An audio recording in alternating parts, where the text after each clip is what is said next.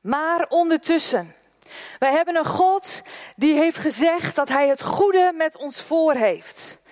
En ik hoorde laatst ook nog weer verhalen van andere op plekken op, op de wereld waar bijzondere dingen gebeuren, waar mensen nog steeds tot geloof komen, waar grote groepen mensen gedoopt worden. En dan denk ik, Heer, oh, hoorden we daar maar eens meer van. Want er is zoveel meer wat Hij doet, wat wij niet horen. En als we toch daar eens meer van, ja, gewoon ons bewust van zouden zijn. En ook al horen wij andere dingen, dat wij onze focus gericht houden op Jezus. Want Hij is degene, ja, wiens beloften, daar mogen wij op staan en daar mogen wij op blijven staan. En iedere keer als ik, ook bij de voorbereidingen voor deze preek, als ik weer bezig ben met, met zijn woord, gewoon met onze Bijbel en ik luister preken en ik lees prachtige preken ook weer op internet, dan raak ik zo onder de indruk van wie onze God is. En daarom heb ik deze preek genoemd onbegrijpelijk. En het onderwerp, nou, dat horen jullie zo, hoe dat verder vorm gaat krijgen. Maar ook dit verhaal, onbegrijpelijk. Hoe God door ons heen kan werken. Waar wij toe in staat zijn als wij met Hem wandelen. En dat is voor ons allemaal. Amen? Hoppatee. Ik merkte het net ook al in de zangdienst. Weet je, God is hier. nou ja, ik kan wel doorgaan. Ja, maar goed. We werken toe naar uh, een geweldige conferentie eind mei. Een conferentie met de naam We Speak Jesus. Nou, daar gaat alles over, ook vandaag weer. We Speak Jesus, dat is wat we doen, dat is wie we zijn, dat is hoe we gemaakt zijn. En in de afgelopen zondagen hebben we het al over meerdere onderwerpen gehad die daarbij horen. Over onze identiteit, en eh, terwijl we bezig waren eh, hier op kantoor om ook even een programma te maken van ja, hoe werken we dan toe na die conferentie, zat daar zomaar tussenin Goede Vrijdag en Pasen. En we dachten, oh ja, nou dan laten we het onderwerp van de conferentie maar even los. En dan doen we dan Goede Vrijdag en Pasen en dan gaan we dan weer verder. Maar hé, hey, hoe cool was dat? Gewoon daartussenin ineens de basis van ons geloof. Stilstaan en intens beleven op Goede Vrijdag. En vieren met Pasen. Met een prachtige doopdienst daarbij. En vorige week hadden we een geweldige generatiedienst. En het paste er zo mooi bij. We speak Jesus. Ja, dat kruis, daar gaat het om. Die generaties, daar gaat het om. Pasen, ja, daar gaat het om gedoopt worden, daar gaat het om. We kunnen er niet onderuit. We speak Jesus. En vandaag hebben we het voornamelijk over je denken vernieuwen. Want als we zeggen dat Jezus in ons woont en dat wij willen leven zoals Hij het ons heeft voorgedaan, dan is er een sleutel waardoor we daar mee bezig kunnen zijn. En dat is ons denken te vernieuwen. Maar voordat we daar naartoe gaan, alles begint bij God. Want God heeft alle kracht en alle gezag. Wij zijn wij door Hem, doordat Hij God is. Doordat Hij kracht en gezag heeft en die beide zaken aan ons heeft gegeven en met ons deelt, betekent dat wij diezelfde kracht hebben en datzelfde gezag. En de kracht is de capaciteit om dingen te doen. En hij geeft ons gezag, het recht om dingen te doen. Dus de mogelijkheden, de capaciteit en ook het recht. Zoals hij is, dat heeft hij uitgestort in ons. En die twee dingen samen, die noem je autoriteit. En naast God zijn wij de enige wezens hier in de kosmos met autoriteit. Engelen hebben wel kracht, wel capaciteit, maar geen autoriteit. Ze hebben niet het recht omdat ze niet naar het beeld van God zijn geschapen. Zij wachten tot God hun een taak geeft. En ze krijgen dan een tijdelijke autoriteit die hoort bij die taak. Daarna keren ze naar God terug en wachten ze op nieuwe instructies. Een aantal weken geleden spraken we ook al hierover. Hoe werkt dat nu in die hemelse gewesten? Ik vertelde toen ook hè, dat Satan, ja, die wilde gelijk zijn aan God. En daardoor werd hij uit de hemel gegooid. Want hij nam zelf initiatief. En hij pakte als engel toch die autoriteit, die niet voor hem bestemd was. En zo werd hij Satan. Engelen hebben alleen autoriteit als ze gestuurd worden.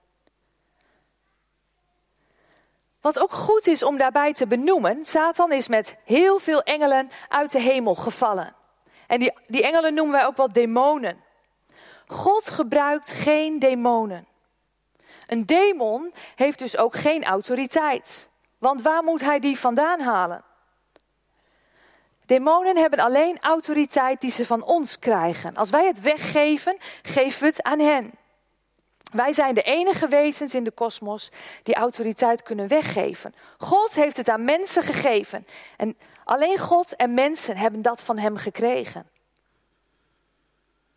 En het is belangrijk dat dat heel duidelijk is. Ik merk dat mensen wel eens angstig worden, ook als we het over dit onderwerp hebben. Oeh, Satan, oeh, demonen. Maar weet je, Jezus is overwinnaar. En Satan doet nog steeds alles. Hij haalt alles uit de kast om ons daar vandaan te halen. God stuurt geen demon om iets voor zichzelf klaar te krijgen, om iets te doen. We lezen in de Bijbel dat ze soms voor Gods troon verschijnen. God erkent hun bestaan. God vraagt hun soms wat ze gedaan hebben. En dan antwoorden ze dat ze op de aarde naar mensen zoeken die met hen samenwerken en die hen autoriteit geven. Dus alleen God en mensen hebben autoriteit. Het is goed om dat te beseffen. En we lezen dit ook in Matthäus 28, vers 18. Daar is Jezus net opgestaan uit de dood. En daar staat, Jezus komt naderbij en spreekt tot hen. Hij zegt, mij is gegeven alle gezag in hemel en op aarde. Mij is gegeven, namelijk door God. Alle macht, volmacht en autoriteit in hemel en op aarde. En deze woorden herinneren aan Daniel 7. Daniel is de man van de visioenen in het Oude Testament. En Daniel krijgt daar meerdere visioenen die gaan over de toekomst. En dit stuk in Daniel 7, dat gaat over het visioen over de vier rijken. Die worden weergegeven met vier dieren. En daarnaast staat een troon en de mensenzoon staan centraal. En in Daniel 7, vers 14 staat: Hem, de mensenzoon, werden macht, eer en het koningschap verleend. En alle volken en naties, welke taal zij ook spraken, dienden hem. Zijn heerschappij was een eeuwige heerschappij die nooit ten einde zou komen. Zijn koningschap zou nooit te gronden gaan. Dus die mensenzoon, die vernederd werd en die moest lijden, die ontving van God na zijn opstanding universele, dus over, over de hele wereld, een eeuwige heerschappij. En het was al in die profetie van Daniel voorspeld. Jezus zou worden verhoogd en worden aangesteld als rechter en heerser van de wereld. En hij, Jezus zelf heeft over deze verhoging meerdere keren gesproken tijdens zijn leven. En die verhoging is met zijn opstanding begonnen. In Jezus is de toekomst nu al begonnen. En dat wat aan Jezus was gegeven, dus die macht en dat gezag, is ook aan ons gegeven. En als wij alle macht en gezag hebben, dan betekent het dat iemand anders, dus Satan, daar niets van heeft. Alle kracht, macht en het gezag van Hem is daardoor ook van ons. Jezus heeft overwonnen. En we zingen het zo vaak. Het is zo'n boodschap die we zo vaak gehoord hebben. We zijn meer dan overwinnaars. Yes. En we steken onze handen op. Maar wat betekent het? Wat betekent het wat daardoor aan ons is gegeven?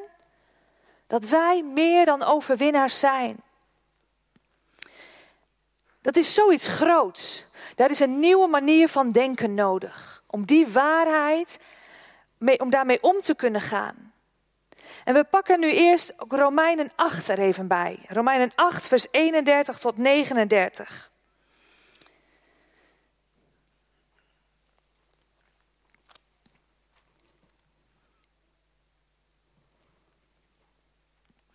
Romeinen 8, vers 31. Wat moeten wij hier verder over zeggen? Als God voor ons is, wie kan dan tegen ons zijn? Zal Hij, die zijn eigen zoon niet heeft gespaard, maar Hem omwille van ons allen heeft prijsgegeven, ons met Hem niet alles schenken? Alles? Wie zal Gods uitverkorenen aanklagen? God zelf spreekt hen vrij. Wie zal hen veroordelen? Christus Jezus, die gestorven is, meer nog, die is opgewekt en aan de rechterhand van God zit, pleit voor ons. Wat zal ons scheiden van de liefde van Christus? Tegenspoed, ellende of vervolging, honger of armoede, gevaar of het zwaard? Er staat geschreven: Om u worden wij dag na dag gedood en afgevoerd als schapen voor de slacht. Maar wij zegevieren in dit alles glansrijk, dankzij Hem die ons heeft liefgehad. Ik ben ervan overtuigd dat dood nog leven, engelen nog machten, nog krachten, heden nog toekomst, hoogte nog diepte, of wat er ook maar in de schepping is, ons zal kunnen scheiden van de liefde van God, die Hij ons heeft gegeven in Christus Jezus, onze Heer. Wat een krachtige tekst. Als we dan kijken naar vers 37. Maar wij zegevieren in dit alles glansrijk, dankzij Hem die ons heeft liefgehad. In een andere vertaling staat, maar in dit alles zijn wij meer dan overwinnaars, door Hem die ons zijn liefde heeft betoond. En als je probeert te beseffen wat dat betekent, heb ik een voorbeeldje bij bedacht. Ik kijk een groot deel van mijn leven voetbal. Het is belangrijk in mijn leven. En niet direct omdat ik er zoveel van hou, maar omdat Bernard er zoveel van houdt. Dus ik kijk regelmatig mee. En je hebt een profvoetballer hier in de wereld, Cristiano Ronaldo. Wie kent hem niet? Een Portugese voetballer die het liefst op linksbuiten speelt. Hij speelt op dit moment bij Manchester United. En hij wordt beschouwd als een van de beste voetballers aller tijden. Heel lang is hij ook een van de duurste voetballers geweest. Maar als hij wordt uitbetaald en het salaris wordt op zijn bankrekening gestort, dan gaat zijn vrouw naar de duurste winkel in Manchester. Volgens mij woont ze nog in Portugal of in Spanje, maar dan gaat ze in Spanje naar de duurste winkel. En dan koopt ze Prada, Gucci, en andere dure merken voor haar en haar kinderen. Ronaldo is een held en een overwinnaar, maar zijn vrouw is meer dan overwinnaar. Want zij leeft van de zegen van de overwinningen van haar man. In Jezus zijn wij meer dan overwinnaar. Hij heeft het al gedaan. Wij leven alleen vanuit de zegen van Jezus' overwinning. We hoeven niet te vechten zoals Jezus dat deed. Wij krijgen het makkelijke deel. We mogen kiezen hoe we Zijn overwinning over ons leven toepassen. Jij bent meer dan overwinnaar. De vijand is verslagen. En God vraagt aan jou: wat wil je met die overwinning doen? Hij is er. Pak hem. Grootheid is aan jou geschonken door de opstanding van Jezus. Onbegrijpelijk. Maar daarvoor is een nieuwe manier van denken nodig. Je kunt zeggen, ja, doe mij dat. Doe mij daar meer van, van die overwinning. Ik wil leven in de zegen van die overwinning. Maar hoe dan? Een nieuwe manier van denken is de sleutel. Een paar weken geleden sprak Chris over geloof, ook een van die sleutels. Zeker, superbelangrijk. Maar ook geloof, hoe dan? Een nieuwe manier van denken. Niet een vernieuwing van je gedachten, nee, een vernieuwing van je hele denkwereld. Een transformatie. En hoe je dat doet, dat staat in 2 Korinthe 10. En ook dat is een mooie tekst om even samen te lezen. 2 Korinthe 10, vers 1 tot 6. Ik, Paulus, vers 1 dus. Ja. Ik, Paulus, die me volgens zeggen zo bedeesd gedraag wanneer ik bij u ben. En alleen uit de verte flink tegen u doe. Is ook zo'n prachtige inleiding weer, die van die Paulus, van onze Paulus. Ik hou van hem. Ik wil u bij de zachtmoedigheid en mildheid van Christus iets vragen. Zorg ervoor dat ik bij u niet streng hoef op te treden tegen die paar mensen die denken dat we uit zwakheid handelen. Ik heb me dat zeker voorgenomen. We leven wel in deze wereld, maar vechten niet met de wapens van deze wereld. De wapens waarmee wij ten strijde trekken, dienen niet ons eigen belang, maar zijn er om met hun kracht bolwerken te slechten voor God. We halen spitsvondigheden neer en iedere verschansing die wordt opgetrokken tegen de kennis van God, die, ja, die halen we ook neer. En we maken iedere gedachte krijgsgevangene om haar aan Christus te onderwerpen. En zullen op het moment dat u hem volledig gehoorzaam bent geworden, paraat staan om anderen voor hun ongehoorzaamheid te straffen. Dus de wapens waarmee wij ten strijde trekken, dienen niet ons eigen belang, maar zijn er om met hun kracht bolwerken te slechten voor God. En nog een vers eerder, we vechten niet met de wapens van deze wereld. Wapens van deze wereld. Wat zijn dat? En wat betekent dat dan voor ons? Hebben wij dan andere wapens gekregen? Wapens van deze wereld. Dat zijn dingen die in ons leven. Trots, jaloersheid, roddel, boosheid, onrust zaaien, bitterheid, kritiek, bezorgdheid, controle, een gevoel van minderwaardigheid, angst. En dit noemen we ook wel bolwerken, zoals ook heel mooi in deze tekst genoemd wordt. En een bolwerk is een vesting of een schans die je bouwt om je achter te beschermen. In een oorlog heel belangrijk. Maar door die vesting kan niemand bij je komen. Behalve als jij toestemming geeft. Of als iemand met grof geweld de vesting naar beneden haalt. En we hebben allemaal deze bolwerken in ons denken. Dus als je een van die, ik heb al die woorden, die wapens van deze wereld naast dit bolwerk gezet. Naast deze vesting. Deze schans waar je je achter kunt verstoppen. En deze bolwerken hebben we allemaal. En ze zijn gebaseerd op angst. Ik ben lang niet zo goed als hij. Dat had ik willen doen. Hoezo krijgt hij die klus? Heb je gezien hoe zij. Uh, hmm, dat kan ik nooit hey, dit hoort eigenlijk anders te gaan. Hoezo doen ze nu zo? We hadden toch hele andere dingen afgesproken. Hoezo? En vul maar verder in. En als we met deze wapens, deze bolwerken, de geestelijke strijd aan willen pakken, dan is dat alleen maar in ons eigen belang. Om onszelf te verdedigen en anderen neer te halen. En als dit soort onderwerpen, dit soort bolwerken in je denken zitten, dan geloof je ze ook. Een bolwerk in je denken is overheersend en staat als een huis. Ik heb het zelf meegemaakt in mijn leven. Ik heb, in mijn kindertijd heb ik te maken gehad met afwijzing. Ik voelde me niet goed genoeg. Ik kreeg regelmatig te horen: nee, zo zit het niet, het is anders. Als ik dan vroeg, ja, maar waarom gaat het dan op deze manier? Nou, omdat ik het zeg. Zo doen we het. Ik had niet het gevoel dat mijn stem gehoord mocht worden. En ik kon daar niet van afkomen en dat ging vastzitten in mijn denken. En ik geloofde het. Ik ben niet genoeg. Ik weet niet genoeg. Ik kan dit niet. Dit is veel te moeilijk voor mij. Ik moet nog beter mijn best doen. Ik moet mezelf bewijzen. En ik leefde daarnaar. Na de HAVO ging ik een HBO-studie doen, een sociale studie, waar je veel over jezelf moest praten. We hadden van die groepsgesprekken waarin voor mij moeilijke vragen naar voren komen. En ik kon er geen kant mee op.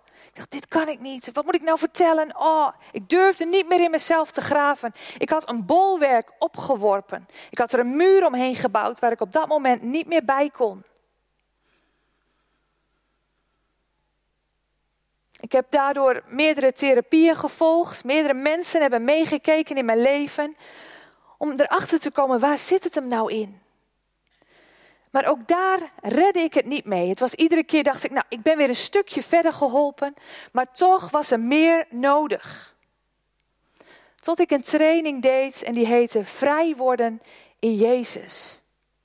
En daar spraken we woorden van Jezus uit. Woorden van waarheden over onszelf. Woorden van waarheid over mij, wie ik ben. En we kregen steeds de opdracht om dat in de auto te mediteren en te proclameren. En ik had continu iedere ochtend als ik weer in de auto zat, dan zei ik, Jezus is de koning op de troon van mijn hart en niemand anders. Jezus is de koning op de troon van mijn hart en niemand anders. En ik kan het nog steeds hebben als ik weer wat onrust in mezelf ervaar, dan ga ik er weer op staan, op die waarheid die Jezus heet. En ik kreeg dus andere waarheden. Mijn bolwerken, mijn muren gingen naar beneden. Ik slechte ze, noem je dat. En mijn denken veranderde. En dat kwam doordat ik Gods waarheid zette tegenover die wapens van de wereld. Gods wapenuitrusting, Gods wapens, die niet voor ons eigen belang zijn. Ze zijn er niet om een ander zwart te maken. Ze zijn er juist om die bolwerken naar beneden te halen. En zo kunnen wij allemaal onze bolwerken afbreken als we Gods waarheden daartegenover zetten. En daarom is het zo belangrijk dat je jezelf kent. Waar praat je over?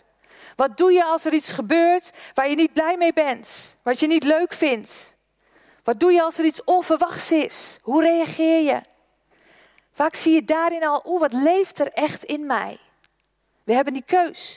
Kiezen we voor de wapens van de wereld of kiezen we voor wat God daarvoor in de plaats geeft? En dat is die strijd waar we het steeds over hebben. Het speelt gewoon in ons allemaal. Het is heel normaal dat we dat ervaren, maar het is niet gewenst. Want God heeft iets anders voor ons. God heeft ons daarom een wapenuitrusting gegeven. En ik vond het zo mooi, want al die woorden die net naast dat bolwerk stonden, dat noemen we de wapens van de wereld. Maar als we kijken naar de wapenuitrusting van God, dan is dat vooral ter bescherming. Want wij hoeven niet meer te vechten. Jezus heeft al overwonnen. Het enige wat we hoeven doen is ons denken vernieuwen. En we hebben die overwinnaar Jezus, die achter ons staat en die niets liever wil dan met ons die bolwerken slechten.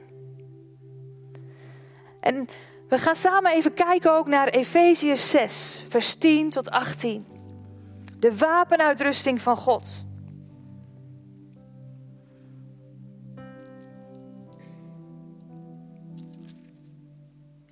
Efeze 6 vanaf vers 10. Ten slotte, zoek uw kracht in de Heer, in de kracht van zijn macht. Trek de wapenrusting van God aan om stand te kunnen houden tegen de listen van de duivel. Onze strijd is niet gericht tegen mensen, maar tegen hemelse vorsten, de heersers en de machthebbers van de duisternis, tegen de kwade geesten in de hemelsferen. Neem daarom de wapens van God op om weerstand te kunnen bieden op de dag van het kwaad, om goed voorbereid stand te kunnen houden. Houd stand met de waarheid als gordel om uw heupen, de gerechtigheid als harnas om uw borst. De inzet voor het evangelie van de vrede als sandalen aan uw voeten en draag bovenal het geloof als schild, waarmee u alle brandende pijlen van Hem, die het kwaad zelf is, kunt doven. Draag als helm de verlossing en als zwaard de geest, dat wil zeggen Gods woorden. En laat u bij het bidden leiden door de geest, iedere keer dat u bidt. Blijf waakzaam en bid voortdurend voor alle heiligen.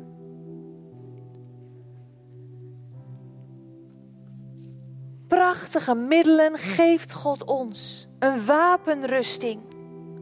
De waarheid als eerste, als gordel om je heupen.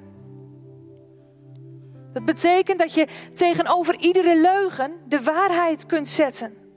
Wat is waar over jou? En wat is daarmee ook waar over een ander? Die gordel draag je.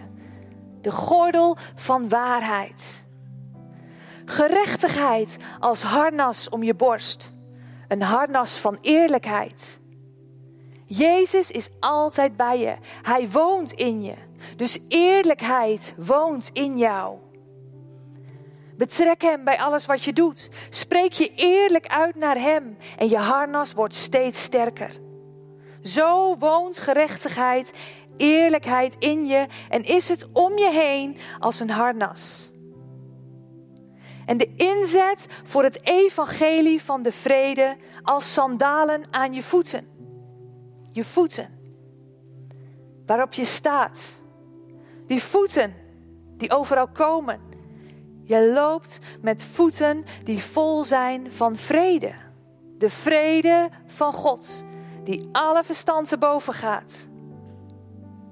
Jezus kwam een evangelie van vrede brengen. En zo mogen wij klaar zijn om vrede te brengen in onze eigen omgeving.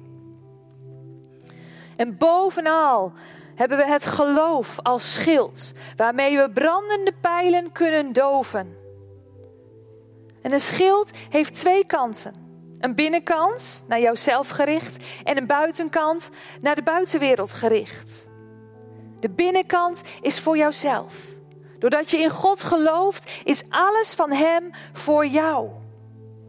En een buitenkant die gericht is op degene die je aanvalt. En pijlen zijn heel simpel weer gedachten die op je afkomen. Zo snel schiet er weer iets door je hoofd. Zie je wel? Ze negeren hem alweer. Dat is een pijltje die op je afgeschoten wordt. En die door jouw schild van geloof wordt tegengehouden. Nee, ik ben een kind van de Allerhoogste. Ik geloof de waarheden die God over mij zegt. Voel ik mij daar genegeerd?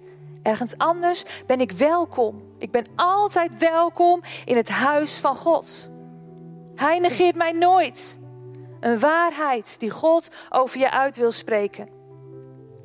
En als vijfde de helm van de verlossing. De helm die je hoofd beschermt. Daar waar je gedachten zijn. De plek waar de strijd plaatsvindt. In je hoofd. Als je gedachten vernieuwd worden, is er niets liever dan wat Satan wil, is daar invloed op hebben, daar die pijltjes op afschieten. En dan draag je die helm als verlossing op je hoofd. Die helm beschermt je omdat je weet, omdat je gelooft dat je vrij bent. Jezus heeft overwonnen. Ik ben verlost. Ook al probeert iemand anders ons onder zijn controle te krijgen. Maar daar mogen je gedachten mee gevuld worden, door bepaald worden. En de geest als zwaard, Gods woorden. Die vijf die we net genoemd hebben, dat zijn allemaal beschermingsmethoden. Maar dus het zwaard is het enige aanvalswapen wat hier genoemd wordt. De rest is alleen maar voor, is voor bescherming. We hoeven dus niet aan te vallen, vooral te verdedigen. Stand houden, staat er in vers 13 van Efeze, wat we net gelezen hebben. Als je wordt aangevallen, mag je Gods woorden over jezelf uitspreken.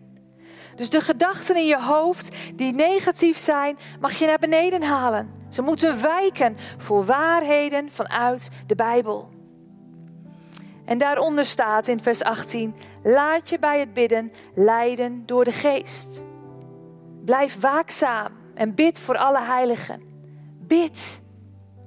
Zo'n krachtig wapen. Dus als soldaten van Jezus mogen wij waakzaam zijn en voortdurend in contact blijven met onze aanvoerder. Dat contact loopt niet via allerlei andere kanalen. Het is een rechtstreekse lijn tussen die soldaat in dat leger die, die, uh, die dat harnas draagt en die die helm draagt. Een rechtstreekse lijn met de aanvoerder. Je mag het zelf onderhouden, dat contact. Die wapens kunnen zelfs alleen maar goed gebruikt worden als er sprake is van een directe verbinding naar boven, met God in de hemel. En niet af en toe staat hier, maar continu, steeds. Blijf bidden in de geest. Dat betekent helemaal niet dat je steeds alleen maar met je handen gevouwen. Nee, juist als je bezig bent, weet dat jouw geest is verbonden met Gods geest. En zo bid je in de geest. En ook die verbinding het contact met die commandopost heeft God zelf tot stand gebracht. Want de strijd van het geloof kun je nooit alleen voeren. En het is geen toverformule dat je zegt, nou ik begin bij één, ik begin bij de gordel en dan doe ik het harnas aan. Oh, ik word aangevallen. Wat, wat zal ik nou eerst eens pakken? Nee, weet je, als je het ene hebt, heb je het andere ook. Je praat er met God over en je zegt: Heer, hier loop ik mee rond. Ik merk dat iets in mijn hoofd niet overeenstemt met wat u over mij zegt. Ik wil het veranderen. Hoppatee, het kan niet anders dan dat dat dan gebeurt. Je bent je bewust van wie jij bent, omdat je overwinnaar bent door Jezus. Je bewust van zijn plek in je leven. Je bewust van zijn liefde dan wil je niets liever dan meer weten van Hem, meer weten over Hem, want zo kom je meer te weten over jezelf. Praat met God. En het is een proces van vallen en opstaan. Het duurt je leven lang. Falen en opnieuw proberen. En vallen en weer opstaan. En doorgaan en volhouden, stand houden tot het eind. Wat ik al zei, het lukte mij niet om mezelf uit te komen met dat stuk afwijzing waar ik mee te maken had. En om tot die geestelijke doorbraak te komen, had ik bevrijding nodig. En ik dacht, nou, dan gaat er iemand voor me bidden en dan, hè, dan is daarna klaar. Ik kreeg een gesprekje vooraf van, nou, wat heb jij dan nodig? Waarom ben je hier? En ze zeiden, je denkt er een beetje te makkelijk over.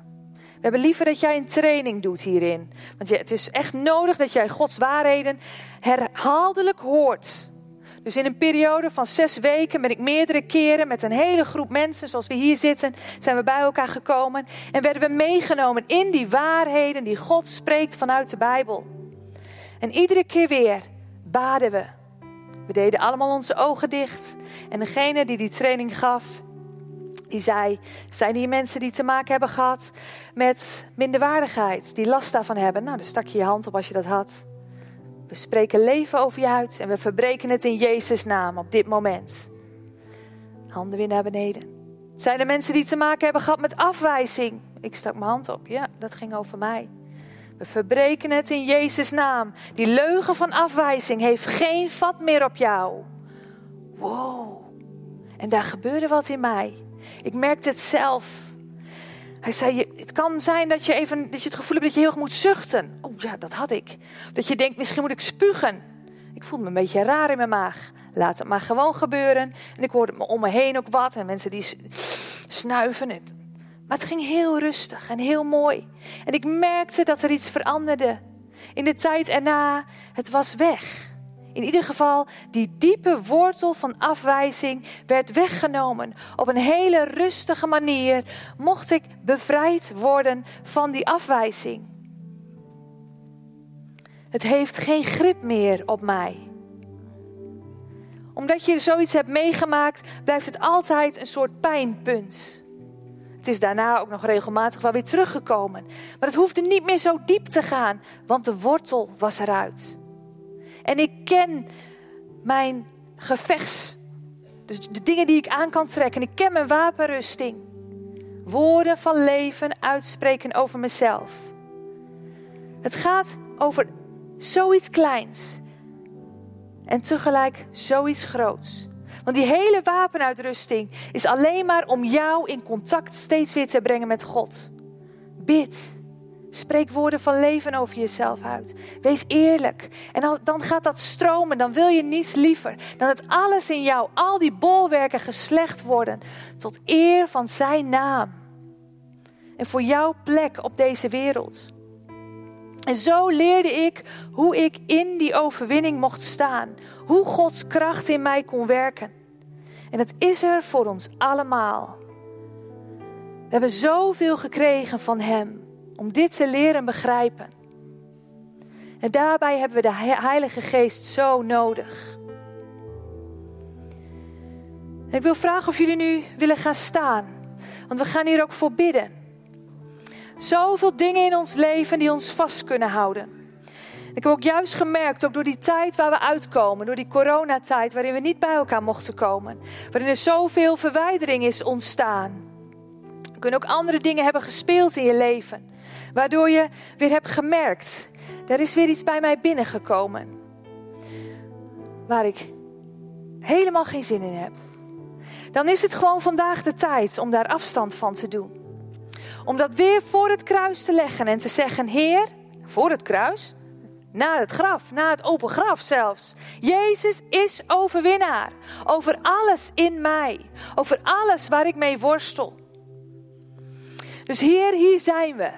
Als uw kinderen staan we voor u. Vorige week vierden we Pasen. En daarvoor stonden we stil bij die intense beleving van Goede Vrijdag. Heer, en dat werk heeft u gedaan, zodat wij in die overwinning mogen staan en meer dan overwinnaars zijn. En vanuit die kracht staan we voor u. Heer, u kent onze bolwerken. U weet wat er in onze hoofden speelt, welke gedachten we hebben. Gedachten van boosheid. We brengen ze voor u. Gedachten van afwijzing.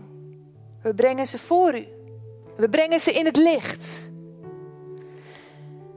Heer, u weet het. Doorgrond u ons, want u kent ons als geen ander. Heer, en als we zo voor u staan, Heer, dat het dan ook gewoon even naar boven mag komen. Heer, en juist als het woorden krijgt, als het er mag zijn, als het ook in het licht mag komen, kunt u er wat mee. Dus we spreken nu gewoon zacht ook uit, Heer, wat ons nu te boven schiet, waar we mee worstelen, waar we van af willen. We brengen het op dit moment in het licht.